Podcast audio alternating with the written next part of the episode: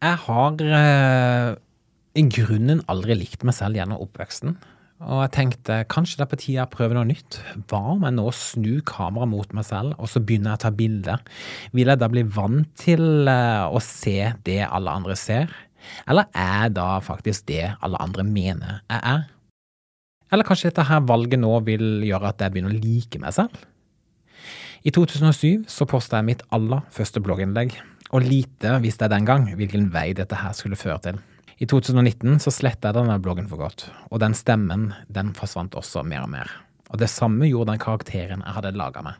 Året er nå 2024, og jeg føler at jeg begynner å finne tilbake til den ekte stemmen. Stemmen som bare tilhører meg, som ikke er basert på noen karakter eller har et behov for å bli likt av alle.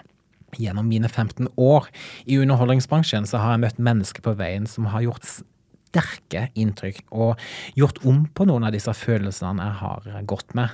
De har rett og slett vært med på å slå ned disse veggene. De, de bare vet ikke ennå.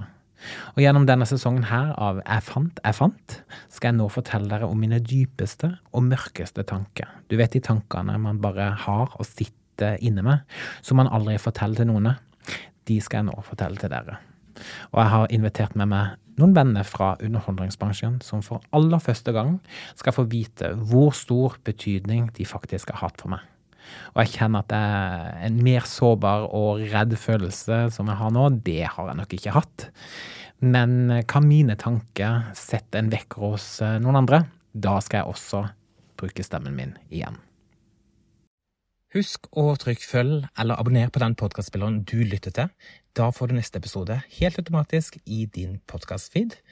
Og en annen ting, så hadde jeg satt utrolig pris på din tilbakemelding, så legg gjerne igjen en kommentar om du liker det du hører, og gi den en rating du selv føler den fortjener.